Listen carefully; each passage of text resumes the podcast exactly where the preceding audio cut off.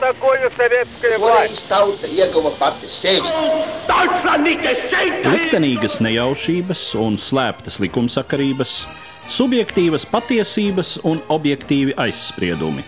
Pēc atkušņa nekad nenāk uzreiz pavasars, bet sākās Arī šodien cilvēki ir ļoti tuvredzīgi. Viņi redz to naudu, kas ir. Televīzijā jau pamatā notiek cīņa par varu. Pagātne no šodienas skatu punkta un šodienas caur pagātnes prizmu. Raidījumā šīs dienas acīm. Katru svētdienu Latvijas radio eterā Eduards Liniņš. Labdien, cienījamie klausītāji! Šogad aprit simtā gadsimta mūsu valsts pamatlikumam, Latvijas Republikas satversmei. 1922. gada 15. februārī satversmes sapulce apstiprināja satversmes pirmo daļu, kas arī tolaik kļuva par pamatlikuma tekstu, jo satversmes otro daļu apstiprināt tā arī neizdevās. 1922. gada 20. jūnijā tika pieņemts likums par Latvijas Republikas satversmes spēkā stāšanos un ieviešanu, kas noteica, ka satversme stājas spēkā 1922. gada 7. novembrī, dienā, kad uz savu pirmo sēdi pulcējās Latvijas Republikas pirmā saima. Šogad esmu plānojis pievērsties Latvijas Republikas satversmes vēsturiskajiem un šodienas aspektiem vairākos raidījumos. Šodien piedāvāju jūsu uzmanībai vēstījumu par satversmes tapšanu, proti par Latvijas Republikas satversmes sapulces ievēlēšanu un darbību. Stāsta Latvijas Universitātes Latvijas Vēstures institūta vadošais pētnieks Artūrs Žvinklis. Jau 1919. gada 23. augustā Latvijā bija pieņemts pavalsniecības likums, kas diezgan skaidri noteica to iedzīvotāju loku, kas Latvijā uzskatām par šīs valsts pilsoņiem. Tātad cilvēki, kas bija šeit dzīvojuši līdz Pirmā pasaules kara sākumam, līdz 1914. gada 1. augustam, Tas pirmkārt, tas arī bija šis elektorāts. Un, protams, neatkarīgi no nacionālās piedarības šai gadījumā netika ņemts vērā nedz eh, latviešu valodas prašanas jautājums, nedz eh, kādi citi kriteriji. Vienīgais nosacījums bija izpildīt principu dzīvot eh, un būt Latvijas teritorijas iedzīvotājs, jo Latvija 1914. gadā nepastāvēja kā administratīvu politisks jēdziens. Vēl viens nosacījums bija vēlēšanu vecuma cens, kas bija noteikts no 21 gada vecuma, ne no 18 gadiem. 18 gadi tika attiecināti gan uz Latvijas armijas karavīriem, kuri bija jaunāki par šo vecumu. Tajā brīdī, kad notiek satversmes sapulces vēlēšanas, vispirms jau nav vēl noslēdzies karš ar Padomi Krieviju. Tur austrumu pusē nekādas robežas vēl īsti nav.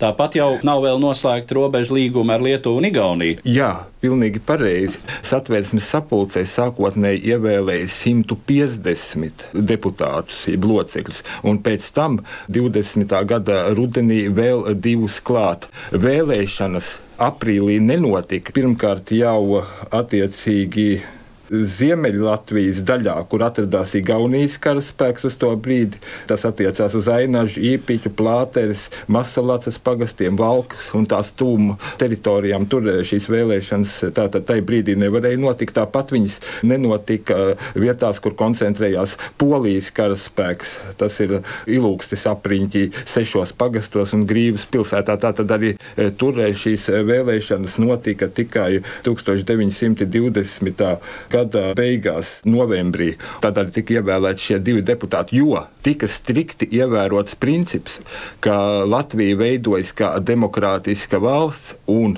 vēlēšanas nevar tikt sarīkotas pat draudzīgas ārvalsts karaspēka klātbūtne. Kas attiecas uz sarkanarmijas teritorijām, tad būtībā jāņem vērā, ka uz šo 20. gada aprīli var teikt, ka Latvijas pamatteritorija bija atbrīvota, un šeit neradās kādas īpašas problēmas vēlēšanu rīkošanā. Bija ļoti augsta vēlētāju aktivitāte. Vēlēšanās kopumā piedalījās 84,88% balstīsīgo Latvijas Republikas pilsoņu. Tas ir ļoti spilgts skaitlis, kas tiešām apliecināja lielo politisko ieinteresētību.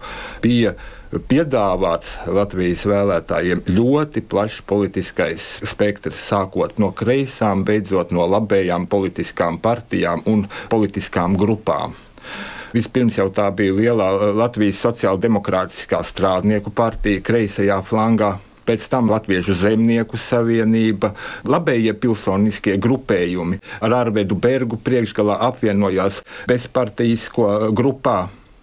Tāpat vēlēšanās aktīvi iesaistījās nacionālās minoritātes, vācieši ar piecām partijām, ebreji ar vairākām partijām, krievi arī ar eh, dažām partijām. Tā kā minoritāšu aktivitāte šai ziņā bija ļoti liela. Bez tādas ievērojamas pārstāvības, kas vēlāk radās, eh, palika Latvijas poļu tautības iedzīvotāji. Kas attiecas uz lietuviešiem, tad viņi nespēja radīt šādu spēcīgu mazākuma tautības partiju, kas varētu pretendēt uz ievēlēšanu Latvijas parlamentā visu neatkarības turpmāko periodu. Bieži vien Arī šodien kļūdaini e, tiek apgalvots, ka aizliegta bija Latvijas komunistiskā partija un lūk, nevarēja piedalīties vēlēšanās. Tā nav īsta taisnība.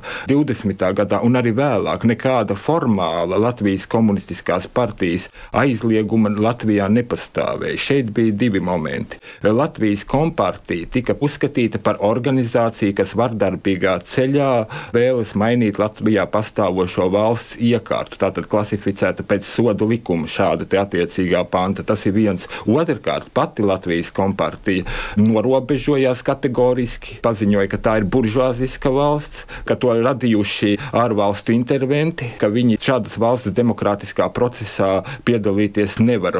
Tātad tā bija arī pilnīga pašnorobežošanās no viņa puses.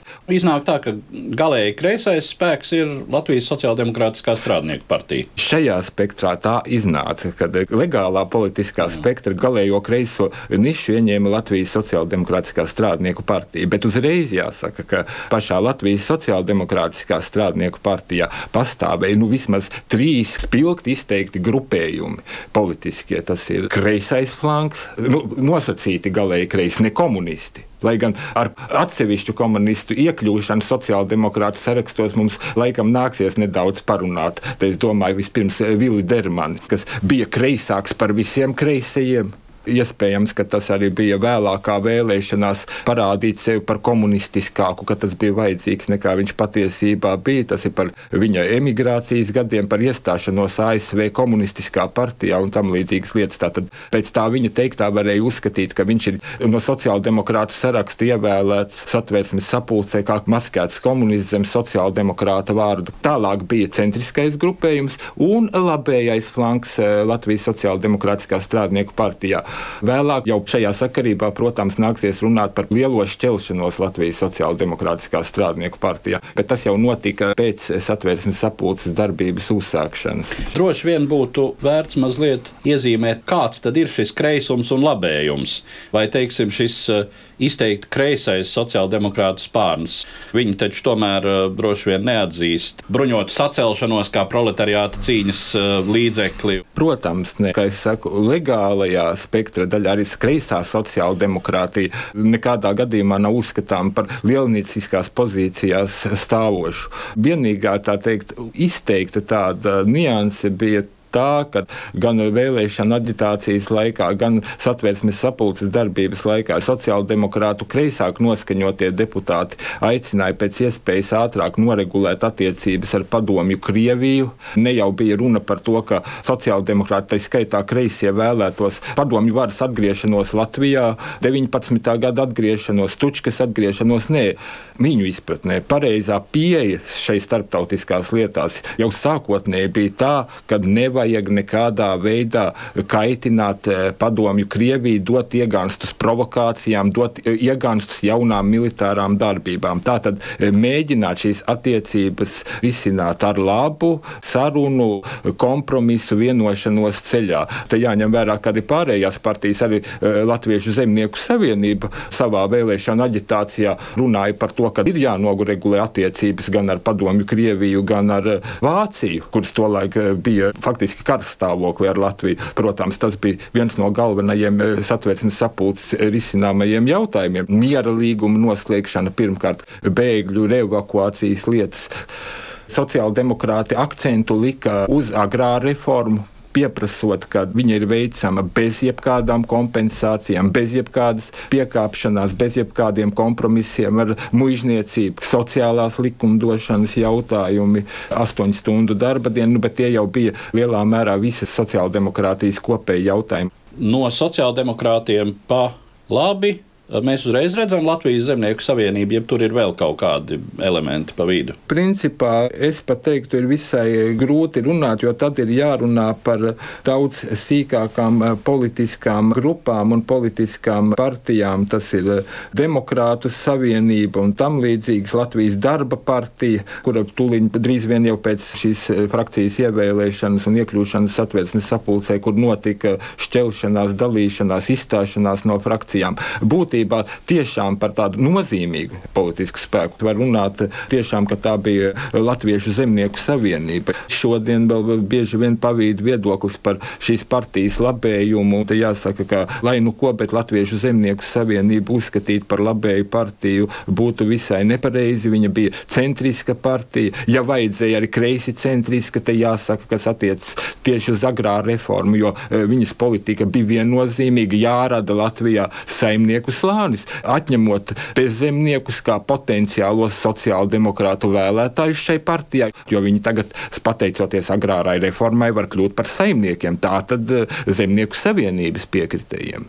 Un te jāņem vērā, ka Latvijas agrārā reforma bija ļoti revolucionāra. Zemnieku savienība šai ziņā jāuzskata par eh, revolucionāru spēku būtībā. Protams, tur bija kompromisa atšķirības, kad jāatstāja muižu centri bijušajiem muižniekiem zemes platību līdz 50 hektāriem. Tas ir vidējais saimniecības lielumā. Kur līdz tam viņiem bija bijuši teiksim, tūkstoši. Jā, kur, jā, kur līdz tam tūkstoši. Arī Latgales zemnieku partija ir pieskaitām pie šādām pašām eh, kreisi centriskām partijām. Viņai arī bija iespaidīgs eh, deputātu skaits, 14 vietas satversmes sapulcē. Viņa arī savā ziņā būtībā būtu tuvināta Zemnieku savienībai. Cik es saprotu, tad arī runājot par minoritāšu partijām, tās zināmā mērā struktūrējas arī pēc zināmiem sociāliem kritērijiem. Sevišķi te laikam jārunā par ebreju daļu. Jā, tieši tā, par ebrejiem, ja runā, tad tepat nedaudz plašāk runājot, Latvijas ebreju kopiena izcēlās ar to, ka tā bija latviešu sabiedrības eh, mikromodelis, kur bija savs augšslānis, sava buržuāzija, savi uzņēmēji, savi tirgotāji, savi lieltirgotāji, savi finansisti, savi banķieri. Tātad augšējais ešalons bija vidējais slānis, bija inteliģents, bija strādniecība. Sīki amatnieki. Ko mēs neredzam, teiksim, vācu. Jā, ko mēs jo... neredzam vācu, kur ir diezgan kompakts, vienveidīga vēlētāju masa, kas pieder pie vidusšķiras vai pie augstākās vidusšķiras, kur nav šīs sociālās diferenciācijas. Būtībā jāsaka, ka diezgan maz šī sociālā diferenciācija izpaudās arī Krievu vidū, ka šeit arī nebija tādas izteiktas Krievu buržuāziskas partijas vai Krievu strādnieciskas partijas, bet ebrejiem nu, tas nu, bija ļoti izteikti. Punts neizgāja ar atsevišķu sarakstu, atsevišķi sociāldemokrātiski noskaņotie ebreji, tas ir Bers un Rabinovičs, palotējās un iekļuva satversmes sapulcē no Latvijas sociāldemokrātiskās strādnieku partijas sarakstu. Un sociāldemokrātu partija it kā varēja sevi šai brīdī parādīt, eksponēt kā partiju, kas nav tīra latviska, bet ir tiešām Latvijas sociāldemokrātiskā strādnieku partija. Jo lūk, viņu deputātu vidū bija arī ebreji, ne tikai latviešu deputāti. Tas bija tāds rets izņēmums pēc tam Latvijas politiskā dzīvē. Turpmāk arī reti vērojams 20. un 30. gados, kad būtu šādas pārnacionālas partijas. Labējā spektra daļā, protams, izcēlās kā lielākais politiskais spēks bezpartijisko grupa, ko jau es minēju, ar septiņiem eh, deputātiem, kur iegāja Arveids Bergs, viens no redzamākajiem šīs grupas runas vīriem un pēc tam otru redzamiem latviešu politiķiem. Šī partija bija konservatīva. Te eh, jāatzīmē, ka tā bija lielā mērā nam īpašnieku partija. Tas ir tās latviešu pilsoniskās aprindas, kas bija kļuvušas turīgas un pamatā namī namīpašnieku aprindas, jo latviešu vidū nebija daudz e, lieltirgotāju, nebija daudz banķieru, nebija daudz, kā šodien saka, biznesa aprindu cilvēku, uzņēmēju. Protams, pie labējām partijām stabili ir jāpieskaita vācu partijas, kā jau mēs runājām, ka viņas pārstāvēja pamatā vācu elektorātu vidusšķiru un augstāk par vidusšķiru. Ļoti pazīstams bija Pauls Šīmans, vēlākais ievērojamais Latvijas politiķis e, faktiski visus parlamentārā demokrātijas periodu laikā. Viņš arī definēja to, ka agrā reforma jāveic ļoti piesardzīgi ar kompromisiem. Nu, tas saprotams, ka jā, bija jāizstāv vācu elektorāta skaita bijušo vācu baronu intereses, protams, bet viņš akcentēja vienu vērā liekamu lietu. Patiesi labējas partijas kredo ir aizstāvēt privātu īpašumu, privātu īpašumu neaizskaramību, tā teikt, privātu īpašumu svētumu. Tā tad ļoti skaidri definēja šo nostāju, kamēr drīzāk šis latviešu labējais spārns, šī bezpartijisko grupa, viņa vairāk bija, kā jau teicu, namīpašnieku aizstāvju. Viņu sevišķi neinteresēja agrā reformas lietas. Tālāk no ebrejiem izteikta labējā partija bija Agudat Israel, ko tradicionāli un nemainīgi ar turpmākos gadus vadīja eh, Mordehais Dubins. Pats būdams eh, koktirgotājs tajā laikā, tā bija labēji konservatīva reliģiska ebreju partija. Par pārējām ebreju partijām drīzāk varētu runāt kā par centriskām vai kreisajām, izņemot tieši šo te Agudat Israelu. Daļēji arī par Krievu partijām, kuras bija divas, faktiski tika iekšā satversmes sapulcē Krievu bezpartijiskā grupa un Krievu Nacionāla demokrātu partija. Te arī zināmā mērā valdīja konservatīvās idejas.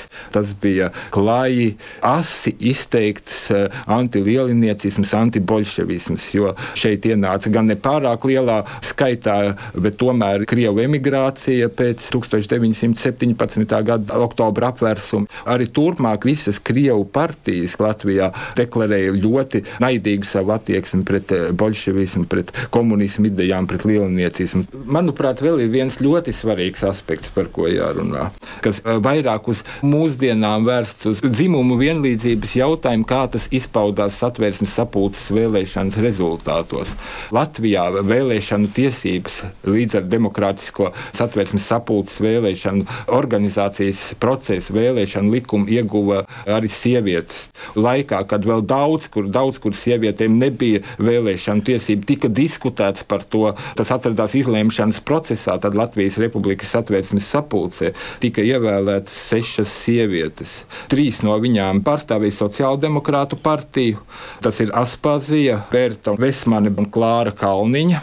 Tālāk Latvijas zemnieku partiju pārstāvēja Laurinoviča Apolonija bezpartijisko grupu, tātad Berga labējo organizāciju cēsniece Freidenfelds Zelma, Latgales zemnieku partiju pārstāvēja arī Seila Valērija. Tā kā tas bija pirmās sieviešu pārstāvis Latvijas augstākajā valsts varas orgānā. Pēc tam iezīmējās tāds grūdienis atpakaļ šai ziņā. Ne pirmajā, ne otrajā, ne trešajā saimā netika ievēlēta neviena sieviete, lai gan centieni iekļūt saimā bija nav noliedzami, tad lielās partijas savā ziņā var uzskatīt par dzimumu šovinistiskām, par minoritāšu partijām. Tas pats jāsaka. Tikai 4. saimā pēc ilga, ilga pārtraukuma, tikai 1931. gadā no Demokrātiskā centra tika ievēlēta Berta Pīpiņa.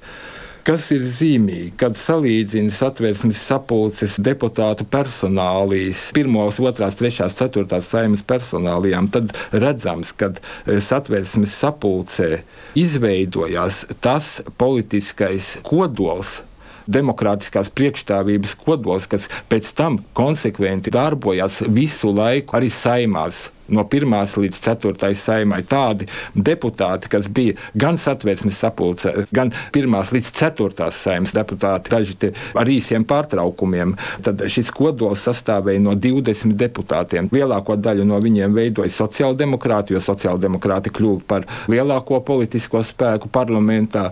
Tad Zemnieku savienības deputāti, atsevišķi latgaliešu deputāti un atsevišķi nacionālo minoritāšu deputāti. Par satversmes sapulces darbību un dažiem nozīmīgiem satversmes principiem vēsturnieks Latvijas Nacionālās encyklopēdijas galvenais redaktors Walters Čerbinskis. Satversmes sapulces divi galvenie uzdevumi bija pirmkārt šis tiesiskais rāmis, tiesiskais pamats valstī, un otrkārt, kas sekoja Vēlāk nedaudz paralēli tā bija agrārā reforma. Runājot par to, kas ir bijuši šie avoti Latvijas satversmei, pastāv daudzas diskusijas. Noteikti nebija viens paraugs, kam sekoja Latvijas likumdevēji. Pastāv ļoti izplatīts viedoklis par to, ka konstitūciju veidojot tika sekots Veimāras konstitūcijai, kas bija it kā pēdējais vārds savā laikā. Bet tā pašā laikā mēs varam secināt, caurskatot satversmes sapulces stenogrammas, ka ir bieži atsaucis uz dažādu citu valstu konstitūcijām. Rietumē Eiropas, Ziemeļa Eiropas valstu, Somijas, piemēram, arī pat Igaunijas satversmi. Tā kā ļoti daudzas dažādas idejas tika izskatītas un paņemtas no dažādām konstitūcijām, bet kopumā pastāv viedoklis, ka lielā mērā šī Latvijas satversme, kas bija ļoti liberāla, ļoti demokrātiska, savā garā sakņojas Veimāras konstitūcijā. Lai gan tajā pašā laikā, ja nemaldos satversmes sapulces stenogrammās, vai arī vēlāk kāds no deputātiem norādīja, ka ir pat šajā satversmē iestrādāts Frančijas revolūcijas laika izstrādāto konstitūciju idejas. Tā kā šis spektrs ir ļoti plašs un tika izmantotas sava laika mūsdienīgākās idejas, radot šo tiesisko pamatu valstī. Ja mēs tā skatāmies uz šo satversmes modeli, kāds tas Latvijai iznāca, un tā bija izteikti parlamentāra republika ar uh, salīdzinoši nelielu prezidenta vāru.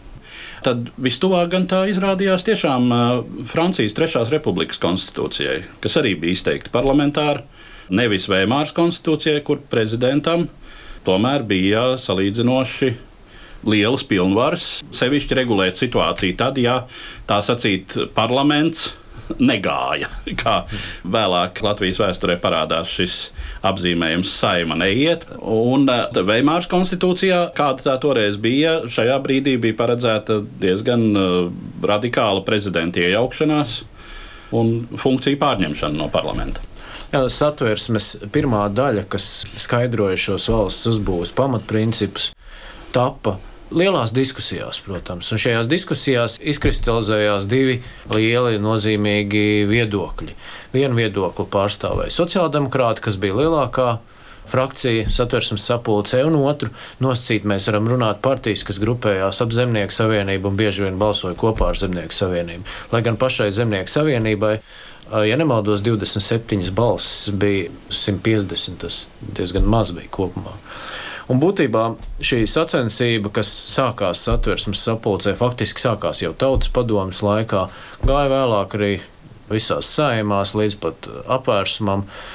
Un lielā mērā šis viedoklis sociāldemokrātu, varētu pat teikt, kreiso sociāldemokrātu viedoklis, kādai vajadzētu izskatīties valstī, sadūrās ar šo pretējo, šo labējo ko galvenokārt pauda Zemnieku savienības deputāti. Sociāldemokrāti vēlējās samazināt prezidenta lomu vai vispār prezidenta institūciju neiekļaut satversmē. Savukārt otra puse centās panākt pēc iespējas tomēr lielāku prezidenta institūcijas lomu. Šīs diskusijas iet cauri visai šai satversmes pirmajai daļai un lielā mērā arī nepieņemtajai otrajai daļai.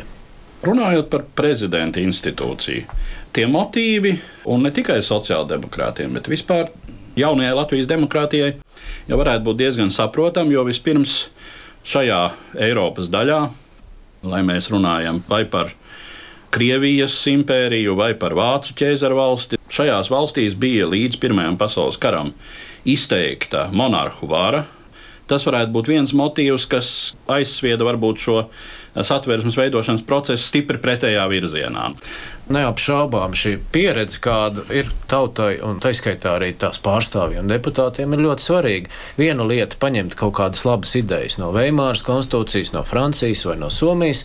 Bet otra lieta, kāda personīgi šiem cilvēkiem, kas rakstīja šo satversmi, ir bijusi pieredze Cariskajā Krievijā, pieredze Pirmā pasaules kara laikā, viņa skatījums uz dzīvi, un galu galā, kas ir svarīgi, un ko jau es minēju iepriekš, tā ir šī ideoloģiskā pārliecība kurai bija diezgan liela loma diskusijās par to, vai prezidenta institūcijai jābūt šādai vai tādai. Skaidrs, ka politikā bieži vien nav tā, ka kaut kas ir labs un kaut kas ir slikts. Bieži vien ir dažādas institūcijas, institūciju funkcijas, kas ir piemērotākas vienai valstī, nepiemērotākas citai valstī, un ir ļoti grūti pateikt viennozīmīgi. Un arī Latvijas gadījumā, satversmes sapulces gadījumā, kad norisinājās diskusijas par šiem principiāli svarīgiem jautājumiem, to ir grūti pateikt. Jo vairāk tādēļ, ka bieži vien šie lēmumi tika pieņemti ar nepārāk lielu balsu vairākumu. Tie nebija vienbalsīgi. Tie tika pieņemti diskusijās, daudz nepiekrita. Mūsdienās, īpaši 90. gados, attiecībā uz satversmi mums ir izveidojies viedoklis, ka tas ir kaut kas svēts un neaizskarams. Bet, ja mēs aplūkojam to, kā norisinājās šīs satversmes veidošana, ir skaidrs, ka laiks iet, laika mainās un iespējams grozīt un piemērot mūsdienu apstākļiem ne tikai atsevišķus likumus, bet arī valsts pamatlikumu, protams. Vēl viens moments, kas arī ir pieminams satversmes sakarā, ir šie tiešās demokrātijas elementi, kas sevišķi jau toreiz Eiropā nebūtu nebija tik izplatīti. Es konkrēti runāju par referendumu praksi kas satversmē ir paredzēta. Un um, tobrīd izteikti izkopta bija faktiski tikai vienā Eiropas valstī, un tā bija Šveice. Un Šveicē savukārt bija dzīvojuši liela daļa latviešu politisko trimdnieku, kurus nu jā, tur, tur bija, bija redzējuši darbībā, pārliecinājušies par zināmu referendumu lietderību. Jā, nu šī ir Latvijas demokrātijai tobrīd īpatnēja un faktiski arī līdz šim laikam tāds īpatnējs elements, un te varbūt ir jautājums par to, vai atbild uz daudziem jautājumiem tiešām nesniedz uh, tālāk šī principa attīstīšana. Līdzšinējā pieredze ne tikai līdz 34. gadam, bet arī samērā nesenā pagātnē liecina par to, ka referendumi no vienas puses var tikt izmantot kā kolektīva politiska viedokļa paušana, bet arī pašā laikā neviens referendums Latvijas vēsturē nav bijis sekmīgs. Respektīvi, nav panācis to, ko ir iecerējuši referenduma organizētāji. Jo tīri tehniski savākt šīs daudzās balsis un pēc tam panākt to, ka tiek pozitīvs balsojums referendumā, ir ļoti sarežģīti. Un pat 30. gados, kad 30. gada sākumā, saimnieciskās krīzes laikā, sociāldemokrāti organizēja referendumu par sociālajiem jautājumiem, kas bija ļoti aktuāli tā laika sabiedrībā, pat tad viņi negūst šo atbalstu. Vissekmīgākais referendums bija par pilsonības jautājumiem, kad uh, salīdzinoši nedaudz balsu pietrūka, lai šis ierosinājums tiktu apstiprināts, respektīvi grozījumi apturēti. Bet arī pašā laikā Es domāju, ka tas ir pozitīvi. Ja pastāv šāda iespēja, tā ir vēl viena iespēja, kā tautai paust savu viedokli. Ir, protams, ka jautājumi, kas jāizskata saskaņā ar satversmi, teiksim, iespējams iegūt šo viedokli referendumu ceļā. Bet no otras puses ir jautājumi, īpaši mūsdienās, kas prasa ļoti ātru reaģēšanu. Es īsti nepiekrītu, ka šādiem jautājumiem būtu jābūt dienas kārtībā sabiedrības izlemšanai, jo tomēr ir īpaši saistībā ar tautsēmniecību jautājumu, kas prasa ļoti kompetentu viedokli. Un vai šis tautas viedoklis būs tas kompetentākais un labākais? Es neesmu drošs, tādēļ es esmu arī pret tautas vēlētu prezidentu. No vienas puses, tas, protams, būtu demokrātiski. Vaicāt tautai, ko mēs gribam par savu valsts vadītāju, kuram ir plašs pilnvars, bet no otras puses, kāds varētu būt šis rezultāts. Es esmu savulaik daudz ar kolēģiem runājis par šo jautājumu, un tas secinājums ir diezgan vienprātīgs, ka īsti nav pārliecība, ka tas labākais rezultāts būtu tomēr, ja vēlētu tauta. Līdz ar to izskan mūsu raidījums, kas bija veltīts Latvijas Republikas satversmes sapulces ievēlēšanai un darbībai, kuras rezultātā tappa un pirms simts gadiem stājās spēkā mūsu valsts pamatlikums Latvijas Republikas satversme. Raidījumā dzirdējāt vēsturniekus Latvijas Nacionālās encyklopēdijas galveno redaktoru Walteru Ščerbinski un Latvijas Universitātes Latvijas Vēstures institūta vadošo pētnieku Artūru Žvinkli. Uz redzēšanos cienījamie klausītāji! Katru svētdienu Latvijas radio viens par pagātni sarunājas Eduards Līniju.